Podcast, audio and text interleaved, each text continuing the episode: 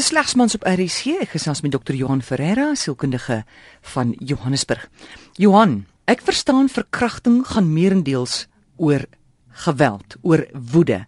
My vraag is as jy kyk na die verkrachtingssyfer in Suid-Afrika mans teenoor vroue, mans met vroue, hoekom is mans so kwaad vir ons? Amore, ek dink die belangrikste wat ons moet onthou is dat verkrachting is nie 'n daad waar seksualiteit uitgeleef word nie. Verkrachting is 'n is 'n daad van geweld. Die manier wat die persoon kies, wat die man dan kies om sy geweld uit te leef teenoor die vrou wat hy verkrag, gebeur in die seksuele idioom. Dit gebeur deur middel van seksuele gedrag, maar dit dit gaan nie oor oor die die seksuele verkeer nie.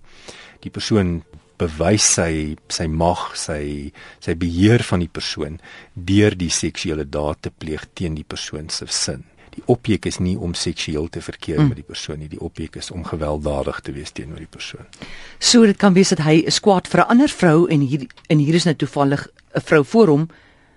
Hy kan ook dalk woedend vir sy ma wees. En jy as vrou is in 'n verkeerde tyd, verkeerde plek en hy haal dit op jou uit daar kan sekerlik sulke gevalle wees. Dit is natuurlik nou nie heeltemal so eenvoudig dat dit mm. dat alle verkragters noodwendige problematiese verhouding met hulle ma gehad het nie, maar die die die, die beginsel is mm. definitief toepaslik dat uh, daar 'n persentasie van van verkragters is wat definitief problematiese verhoudings met vrouens het en seer gekry het en jy weet self self verwond is in 'n verhouding met 'n vrou of dit dan nou seksueel was en of dit net emosioneel was, fisies was en dan daardie gebrek aan persoonlike bemagtiging uitspeel in hulle verkrachting van van 'n hulpelose ander persoon. Hmm.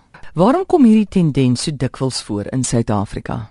Kyk, dit is 'n um, dit gebeur nie net in Suid-Afrika nie, dis maar 'n wêreldwye tendens. Ek dink hier by ons is, is daar definitief 'n hoë frekwensie daarvan en dit gaan oor sosialisering, hoe die seun uiteindelik grootgemaak is in sy persepsie van vrouens. Hoe neem hy vrouens waar?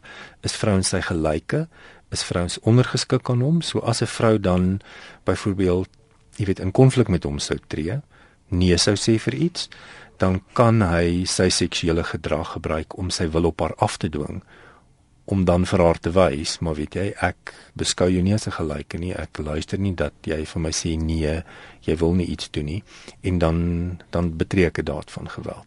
So die die Suid-Afrikaanse konteks is uit die aard van die saak baie gewelddadig een en mans word in sekere populasiegroepe en in sekere kulture gesosialiseer dat vrouens nie hulle gelyke is nie. So as daar dan 'n vrou is wat wat hom op een of ander vlak teestaan, dan aktiveer dit hierdie tipe van van dominerende gedrag. Ek het ook nou al gedink jy weet daar soveel enkelgesinne, enkelma gesinne in Suid-Afrika. Soveel paas wat afwesig is. Dis vir my logies dat mans op 'n subliminale vlak 'n woede het teenoor vroue, maar dit gaan eintlik oor dat hulle paas nie daar was nie.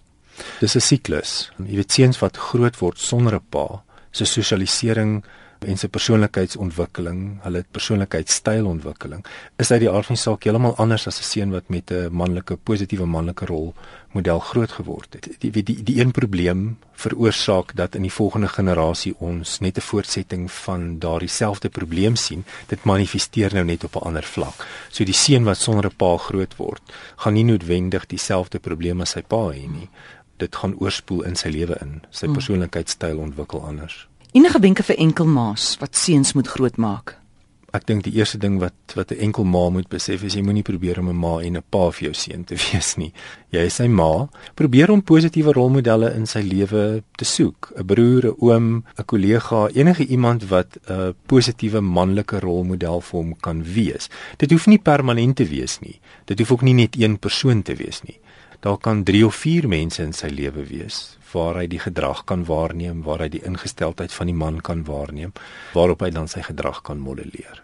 So gesels Dr. Johan Ferreira en jy kan hom kontak by Johan F by mosaik.com